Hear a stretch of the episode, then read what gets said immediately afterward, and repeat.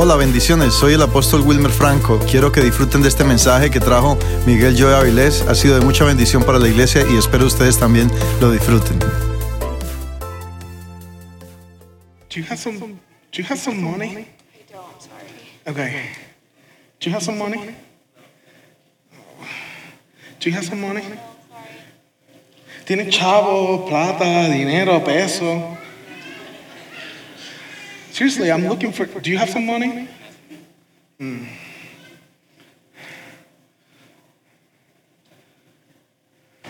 Do you have some money? ¿Dinero?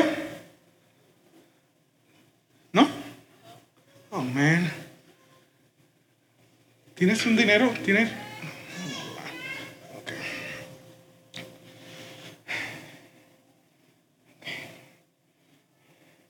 ¿Tienes dinero?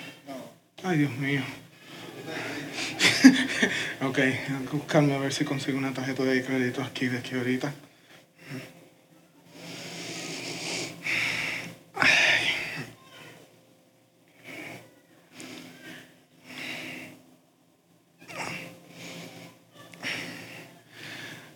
Señor, usted tiene un peso. Ay, finalmente consigo a alguien que tenga algo. Gracias, gracias. Bueno, ¿y usted cómo cree que yo estoy? Pues míreme.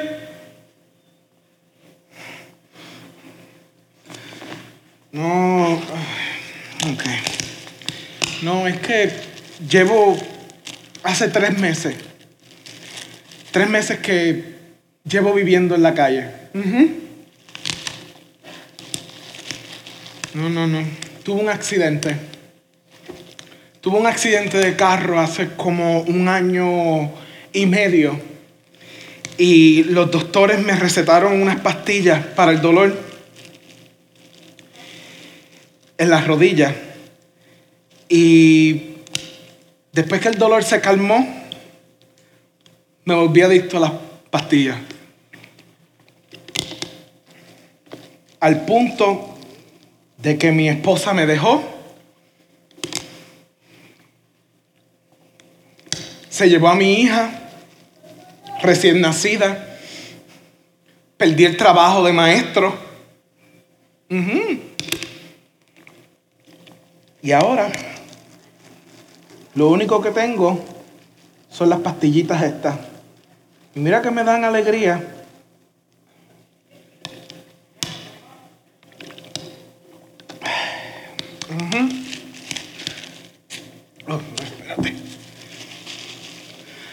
Bueno, ya tú me diste los chavos y todavía quieres seguir hablando. Ok. Dios, sí, yo me crié en la iglesia, nací, mi mamá es tremenda mujer. No, hace más de tres meses que perdí total contacto con, con mi familia. No, yo no tengo solución para mí ya. So, gracias por el dinero y sígalo por ahí. Yo me quedo por allá, ¿ok? Ok, bye. Llevo tres meses en la calle y yo no sé cómo funciona esto, ni sé lo que hay que hacer, ni lo que hay que dejar de hacer, pero dicen por ahí que hoy es el Día de las Madres en algún lugar. Ya, o sea,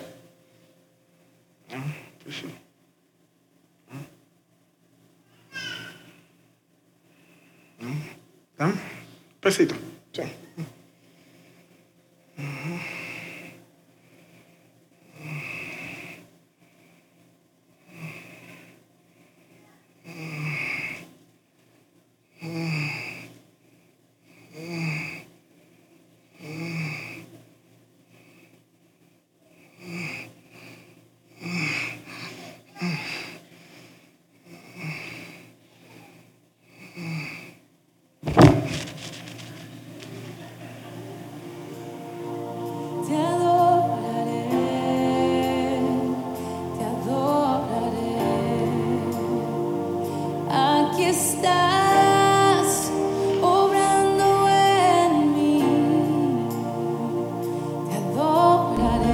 Tres meses buscándote. Tres meses llamando a todo el mundo. Tres meses orando. Tres meses con una angustia de no saber a dónde estabas. Si ni siquiera estabas vivo. Tú no sabes el dolor que yo he sentido al no escuchar de ti por tanto tiempo. Pero yo sabía que hoy, hoy te iba a encontrar. Hoy sabía que te iban a poner en mi camino. Mi hijo. Pero yo no voy a llorar. Yo voy a orar. Padre, mira a mi hijo. El hijo que cargué por nueve meses. El hijo que me diste cuando yo pensé que no podía tener hijos. El hijo que crié sola cuando nos abandonaron. El hijo que mantuve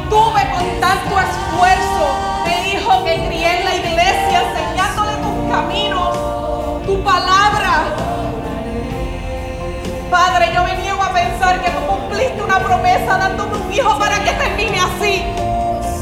Yo me rehuso a aceptar esta realidad. Yo me rehuso a aceptar que este es su fin. Padre, tú me prometiste grandes cosas para él. Tú me prometiste grandeza, tú me prometiste que él iba a ser un hombre de bien, un hombre que iba a llevar palabra. Eso no fue, Señor. Yo declaro que esto no es final. Padre, yo y mi casa te han servido y yo declaro que tu poderosa mano lo levanta hoy. Padre, yo me paro aquí con la autoridad de una madre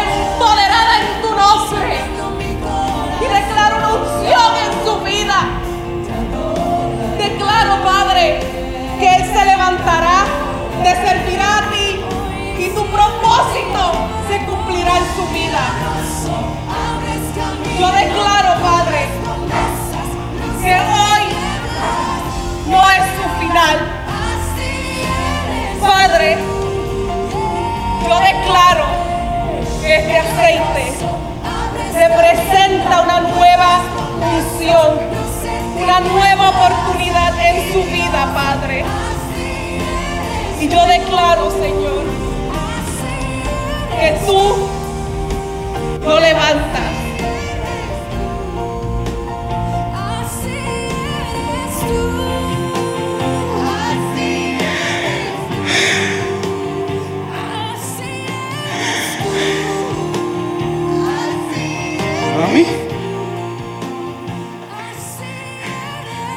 Qué tú haces aquí? Llevo semanas, llevo meses buscándote. ¿Qué pasó? Mi corazón está latiendo bien fuerte. Siento que hay como un fuego en mi interior. Limpiando, sacando, liberando, retornando. Y siento que siento como como hacía años no me sentía. Gracias. Gracias por no parar de buscarme. Y gracias por no parar de orar. Y gracias porque creíste. Creíste que Dios aún podía hacer milagros.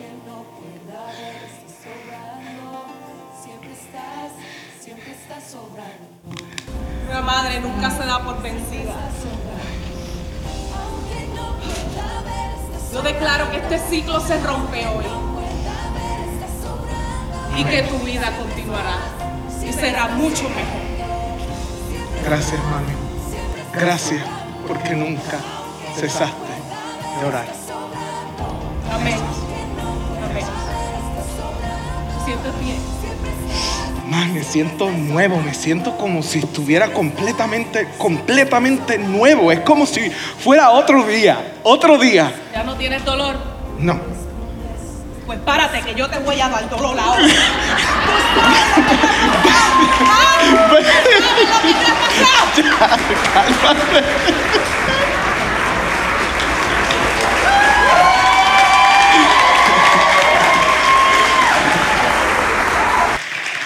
All right, feliz día de las madres. Feliz día de las madres. Remanente que sean bendecidos. Mi nombre es Miguel Joey Avilés y Michelle Rosa es mi amada esposa. Fuerte aplauso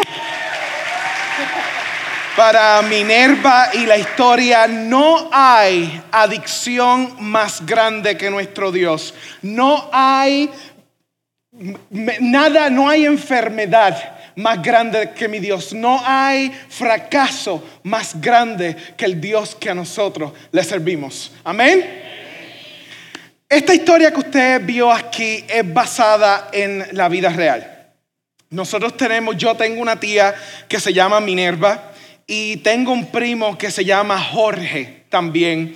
Jorge, la única diferencia entre la historia es que Jorge murió, murió de una sobredosis. Y yo no sé si usted sabe, amada iglesia, pero en los Estados Unidos estamos sufriendo una crisis de opioides en donde diariamente cientos y cientos de personas mueren por sobredosis. Esta es una crisis que está afectando a las casas más ricas del país, no tan solamente a las personas pobres o de bajos recursos. So, la historia que usted vio a- hoy es la realidad de muchas personas a través de esta nación. La madre que nosotros vimos hoy fue una madre que a pesar de que vio a su hijo sentado básicamente sin conocimiento, usted no vio a la madre totalmente desesperada o corriendo a pedir ayuda. Usted vio una madre que sabía dónde ella estaba parada. Usted vio una madre que entendía el poder espiritual que el Señor le dio a ella. Ella se paró, ella observó, ella oró, ella se arrodilló, ella se ensució las manos y rescató a su hijo a través del poder que Dios le dio. Como esta madre, en esta casa hay muchas de ustedes. Así que dése usted un fuerte aplauso. Gracias mi amor.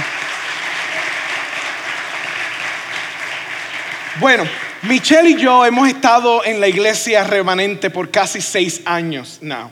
Y es para mí un honor y un privilegio el estar con ustedes en un día tan y tan especial.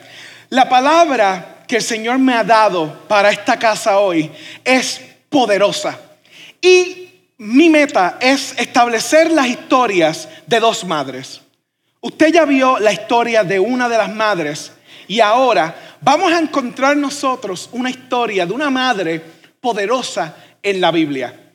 A través de esa historia yo voy a compartir con ustedes cuatro principios que si usted se apodera en ellos, puede cambiar la manera que usted maneja su vida, la manera en que usted maneja retos y la manera en que usted enfrenta cualquier cosa que usted tenga que enfrentar. Vaya conmigo a Segunda de Reyes 4.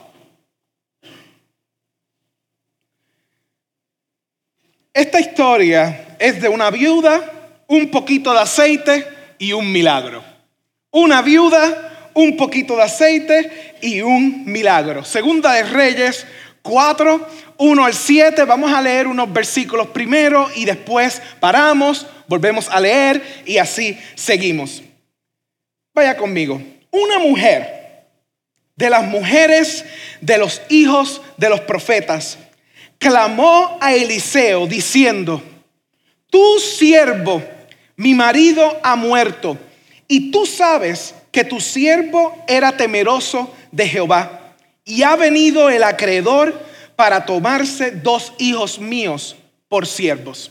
Vamos a parar ahí por un segundo.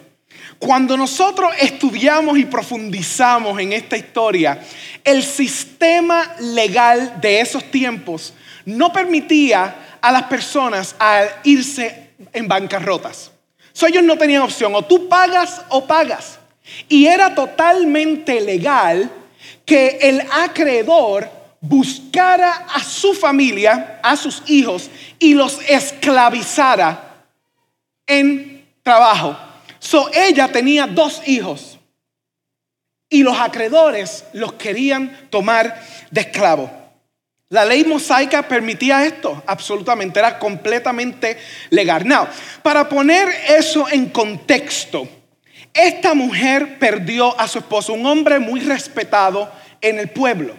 Se dice, los estudiosos dicen que él ayudó a proteger a más de 50 profetas en su tiempo. Los profetas eran perseguidos en ese tiempo. Él ayudó a protegerlos, a guardarlos. Y de momento, y de momento, se muere. El Señor no dejó herencia. La Biblia no nos dice que dejó herencia, dice que estaban en una pobreza extrema, porque cuando Él le pregunta a ella, ¿y usted qué tiene? Vamos a ver la respuesta. Pero para poner eso en contexto, iglesia, a veces nosotros podemos pensar, en los problemas que nosotros tenemos, ¿verdad? Yo me pongo a ver los problemas que yo tengo, ¿verdad? Por las mañanas, el capuchino no me quedó de lo más esponjoso, la espumita del capuchino, o el café está muy dulce, o está muy soso, y o no me echaron eh, sal suficiente en la comida, y a veces tenemos unos problemas que son que se conocen como los the first world problems, que son problemitas que a veces uno se hace un ocho como decimos nosotros los boricuas. Y entre Michelle y yo, nosotros las peleas matrimoniales son una cosa tremenda. Déjenme decirles esas peleas matrimoniales. Mira, la pelea, Michelle y yo hemos estado casados como por ocho años, iglesia. Y la pelea más grande que ella y yo tuvimos en los ocho años, pero una de esas peleas que usted sabe que tú gritas desde el estómago. Ay, ustedes me están mirando como que ustedes no pelean. Pues déjeme contarle porque en casa pues hay pelea. Entonces estamos peleando y ella me grita y yo le grito y nos gritamos y entonces de momento a mí se me entra lo de macho y yo tiro la puerta del baño. Y la tiré bien duro, al punto, en mis hermanos, yo soy una persona bastante pacífica, ¿ok? So, yo tiro la puerta y se hace una pelota de boquete en la, en la pared, una cosa bien dramática. Pregúnteme por qué nosotros estábamos peleando. Mire hermano, porque yo usé una esponja de baño de ella para yo bañarme. Esa fue la pelea más grande que hemos tenido fue porque yo soy ciego, yo tengo lentes de contacto, ¿verdad? Entonces yo me meto al baño, yo no veo, yo no veo, eso yo agajo, le echo perfume y ya, y para ahí lo sigo. Entonces, pues mire, hermano, en contexto, cuando nosotros comparamos los problemas que tiene esta mujer, ella quedó viuda, ella no tiene dinero y lo único que le queda, sus dos hijos, y yo estoy, yo sé que usted estaría de acuerdo que para una madre lo más importante son sus hijos. Usted sabe, transpórtese conmigo a ese momento. Perdí a mi esposo y lo único que tengo se me lo van a llevar. Vamos al número dos. Y Eliseo le dijo, ¿qué te haré yo? Declárame qué tienes en casa. Y ella dijo, tu sierva ninguna cosa tiene en casa, sino una vasija de aceite. Gracias. Sino una vasija de aceite. Y el si no tiene un significado gramatical de pero, pero yo lo entiendo como excepto. Ese si no es un excepto, una pequeña vasija de aceite. Y él le dice, y aquí viene el título de mi predicación esta mañana, que vamos a ponerlo en el background pronto. Y dice, ¿y tú qué tienes? Ese es el título de la prédica de hoy. ¿Y tú qué tienes? Esta mujer, cuando Eliseo le pregunta, ¿y usted qué tiene en la casa? La primera respuesta que ella le da es, tu sierva no tiene nada. Y después ella piensa y dice, espérate, no, no, si hay algo, hay algo, sino una pequeña vasija de aceite. Cuando nosotros pasamos por nuestra vida, muchas veces nosotros no vemos lo que nosotros tenemos a nuestra disponibilidad. El problema, la situación es tan grande que nos ciega y no vemos los talentos, las oportunidades que tenemos enfrente de nosotros. Ella le dice, no, lo único que tengo es una vasija de aceite. No, cuando nosotros estudiamos, podemos entender que esta vasija de aceite no era una vasija de aceite grande. Era una vasija de aceite pequeña que se utilizaba para los ungimientos. So, la cantidad de aceite no era grande, pero en aquellos tiempos el aceite era bien valioso. Se utilizaba para ungimientos, se utilizaba como ofrenda, como humectante, como comida. Tenía muchas razones y era valioso. Y ella no, sabía eso, en su mente ella decía, no, lo que tengo es una vasija de aceite. Aquí está el secreto. Siempre que nosotros pasamos por un problema, por una situación, siempre, siempre hay una excepción. Y Dios es experto utilizando tu excepción para causar milagros excepcionales. Aquí está el principio número uno que yo quiero compartir con ustedes. El principio número uno es para de esperar por lo que tú quieres y comienza a trabajar con lo que tú tienes. Para de esperar por lo que tú quieres y comienza a trabajar con lo que tú tienes. Esta mujer, cuando Eliseo le da las instrucciones específicas, usted no ve que ella lo pensó o que dijo, déjame ver si lo voy a hacer. No, ella recibió las instrucciones y tomó una acción. Tomó un acto de fe en ese preciso momento. Y es que aquí cuando nosotros vemos esta historia, hay dos mentalidades ocurriendo al mismo tiempo, dos posturas mentales. Está la postura de luto y está la postura de deseo el deseo de seguir hacia adelante, el deseo de que si yo no hago algo, se me van a llevar a los muchachos como esclavos. Dos posturas mentales. Ella tomó la postura mental de acción, de que yo tengo que hacer algo. Este principio de deja de esperar o para de esperar por lo que tú quieres y comienza a trabajar con lo que tienes, aplica perfectamente a nuestras vidas en muchas áreas. Y yo puedo aplicarlas en dos áreas. Número uno, a los empresarios de la casa. ¿Dónde están los empresarios de la casa aquí? Si usted estudia empresarios exitosos, ellos tomaron acción con lo que tenían. No importaba si tenían la última computadora del momento, la última cámara del momento o la última, ah, la mejor localización para su negocio. Ellos usaron lo que tenían para trabajar. De la otra manera que yo lo aplico es a nosotros aquí en la iglesia. Muchos de ustedes tienen llamados como profetas, llamados pastorales, llamados como evangelistas, llamados como líderes. Nosotros tenemos la oportunidad de tomar acción con lo que tenemos en el momento, entendiendo que Dios se va a mover cuando nosotros tomamos ese acto de fe. Vamos al número 6. Al número 3, discúlpeme. Y él le dijo, ve y pide para ti vasijas prestadas de todos tus vecinos. Vasijas vacías, no pocas. Entra luego y enciérrate tú y tus hijos y echa en todas las vasijas.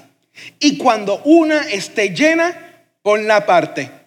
Y se fue la mujer y cerró la puerta, encerrándose ella y sus hijos. Y ellos le traían las vasijas y ella echaba el aceite. el número 6 dice, cuando las vasijas estuvieron llenas, dijo a un hijo suyo, tráeme aún otras vasijas. Y él le dijo, no hay más vasijas. Entonces cesó el aceite. Principio número dos, nosotros le servimos a un Dios que con poco hace mucho. Nosotros le servimos a un Dios que con poco hace mucho. Y les tengo evidencia. Los dos, los, cinco panes y los dos peces en los tiempos de Jesús. Jesús los vio, era poquito, había miles de personas, era poquito. ¿Qué él hizo? Alimentó absolutamente todo el mundo. En los tiempos de David, David era flaquito, pequeño, lindo, según la Biblia. Pero, ¿qué tenía él? Una piedra pequeñita. Dios utilizó una piedra para aniquilar a un gigante. En la Biblia nos dice que la fe tan grande como un granito de mostaza puede mover montañas. Al Dios que tú y yo le servimos, toma tu poquito y lo transforma en grande. Amén. Cuando nosotros estudiamos y profundizamos, si ella hubiera pedido poquitas vasijas, el aceite hubiera sido poquito. Si ella hubiera pedido muchas y muchas y muchas vasijas, el aceite hubiera seguido, porque las vasijas estaban preparadas a recibir el aceite. No, imagínense ustedes que nosotros pasáramos por este tiempo ahora y que el Señor le diga a usted, hermana, váyase a la casa del vecino y pídale las vasijas. Imagínense las conversaciones que eso iba a producir. Imagínense, si usted va de la casa del vecino a la vecina, mire, dame una vasija. ¿Qué, el vecino de usted le iba a preguntar? ¿Ah? Mire, hay vecinos que pueden tirarte con la vasija.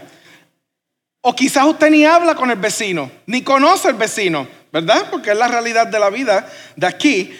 Y esta mujer, si usted ve, no pausó. La Biblia no me registra que ella lo pensó o que tenía temor. No, ella se movió a pedir las vasijas.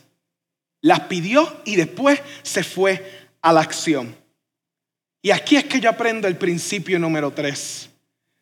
Ofrécele a Dios lo que tienes y confía que Él te dará lo que realmente tú necesitas. Ofrécele a Dios lo que tú tienes y confía ciegamente que él, te dará lo que tú realmente necesitas. Mientras hubieran vasijas vacías, el aceite continuaba fluyendo. Dios suple a la medida que tú creas. Y eso yo lo he podido ver a través de mi vida cristiana. Yo fui nacido y criado en el Evangelio. Y yo he podido ver cómo cuando tú crees y tomas la acción, Dios suple. Y hay dos experiencias que yo puedo compartir con ustedes. Número uno, en la Biblia el enfoque de esta historia no son los hijos. A pesar de que ellos se los van a llevar como esclavos, el enfoque es en la madre. Pero yo me pongo a pensar, ¿y los hijos? ¿Qué sentían? ¿Y los hijos? ¿Qué pensaron? No hay nada peor que como uno, como un hijo, ver a una madre sufriendo. No hay nada peor tú ver a tu madre sometida en una depresión que no hay, que parece no haber salida. Muchos de ustedes conocen a mi amada madre, evangelista Yolanda Pérez, y ustedes muchos conocen su ministerio y su historia. La parte que quizás usted no ha escuchado es que cuando yo tenía ocho años, yo pasé la depresión con ella. Y hubo un instante en donde ella me mira, yo estoy teniendo una conversación con ella y ella me mira y me dice, yo no tengo dinero ni para comprar una tacita de café. Y eso era porque no teníamos para comprar un café. Imagínese el contexto de perder a tu padre y ver a tu madre corriendo y tratando de figure out cómo conseguir dinero para que tú no te vayas a la cárcel. Ofrécele a Dios lo que tienes y confía que Él te dará lo que tú necesitas. El otro ejemplo que yo tengo para ustedes es nuestras amadas iglesias de Colombia. Yo tuve el placer de viajar con nuestro apóstol hace unos dos años. Y en aquel momento, yo creo que las iglesias han cambiado locales par de veces. Ellos tenían dos o tres iglesias tremendas, pero ellos comenzaron con lo que tenían. Quizás eso no era lo que ellos querían. Ellos comenzaron con lo que tenían al frente de ellos. Hoy son cientos y cientos y cientos de personas han cambiado de local par de veces. Juan Carlos Villa volvió a cambiar de local hace poco, ¿verdad? So Dios se sigue moviendo porque su pueblo toma acciones. Amén. El último principio que yo quiero compartir con ustedes es el principio número cuatro. Solo Dios puede multiplicar el aceite. Déjame repetir eso. Solo Dios puede multiplicar el aceite. Tú puedes conseguir las vasijas. ¿Y tú qué tienes? Dios es que hace el milagro. Tú y yo no podemos hacer el milagro, pero nosotros podemos conseguir las vasijas. En la Biblia no me dice que Eliseo le dio instrucciones a ella. Ve y consigue las vasijas pequeñitas o grandes o flaquitas o lindas o de lujo o etcétera. Él le dijo, consigue las vasijas. Ella fue y consiguió las vasijas. Dios hizo el milagro del aceite. Ella consiguió las vasijas, puso las vasijas, ubicó las vasijas, limpió las vasijas y las vasijas estaban vacías. Espiritualmente esas vasijas estaban listas a recibir el aceite. Tú y yo somos esas vasijas. ¿Estás tú listo para recibir el aceite? ¿Estás listo? Y muchas veces nosotros pensamos que nosotros tenemos nuestras vasijas vacías. Pero yo quiero arguir con usted hoy que muchas veces nuestras vasijas están llenas. Llenas de resentimiento, llenas de dolor, llenas de rechazo, llenas de egoísmo, llenas de tantas cosas que nosotros pasamos como seres humanos. ¿Está tu vasija lista para recibir el aceite. Esta madre nos enseñó unos principios tremendos. Y hay ciertas conexiones entre Minerva de la primera historia y esta viuda de la segunda historia. Y es que estas madres no se sentaron a llorar en una esquina a hacer nada. Cada una de ellas tomó las acciones necesarias creyendo en que su milagro ya estaba hecho. Y lo último que yo quiero dejarles a ustedes hoy es que cuando nosotros necesitamos un milagro, siempre, siempre hay una excepción. En el caso de esta mujer, su excepción fue una pequeña vasija de aceite. Dios usa un poquito para hacer mucho. ¿Y tú qué tienes? Lo poquito que tú tengas, Dios lo puede utilizar para lograr algo excepcional. Tu excepción puede causar milagros excepcionales. Por favor, póngase de pie conmigo. Y a lo que escuchamos la música de fondo y comenzamos a estar listos para celebrar este hermoso día de las madres, vamos a orar. Y mientras comenzamos a orar, yo quiero recordarles estos principios que son sencillos, pero mientras usted va hacia la semana, va hacia el año, va hacia la vida, recuerde, principio número uno, para de esperar por lo que tú quieres y comienza a trabajar con lo que tienes. Principio número dos, nosotros le servimos a un Dios que con poco hace mucho. Principio número tres, ofrécele a Dios lo que tienes y confía ciegamente que te- Él te dará lo que realmente tú necesitas. Y principio número cuatro, Dios es el único que puede hacer el milagro. Él es el único que puede producir el aceite. Tú puedes buscar las vasijas. ¿Y tú qué tienes? ¿Y tú qué tienes? Muchos de ustedes, solo Dios sabe lo que usted está pasando.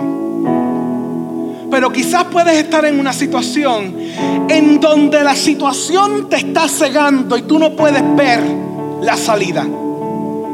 Y yo creo firmemente que el Señor me ha enviado a decirte lo que tú necesitas, tú lo tienes. ¿Y tú qué tienes?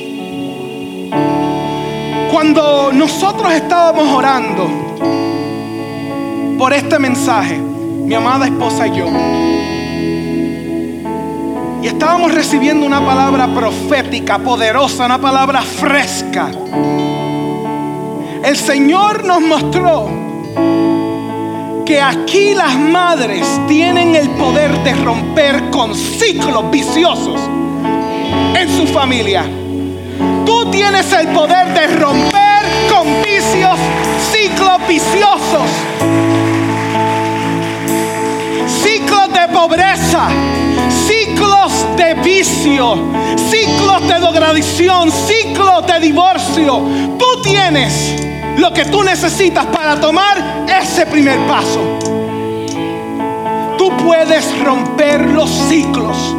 Tú puedes romper los ciclos en tu vida. Vamos a orar. Padre, gracias Señor por esta palabra. Gracias Padre porque tú hablas a nuestras vidas. Gracias porque nosotros sabemos que tú produces el aceite. Nosotros creemos que con nuestra fe y con tu labor y con tu toque tú puedes mover montañas. Padre, te presento a cada madre en esta casa.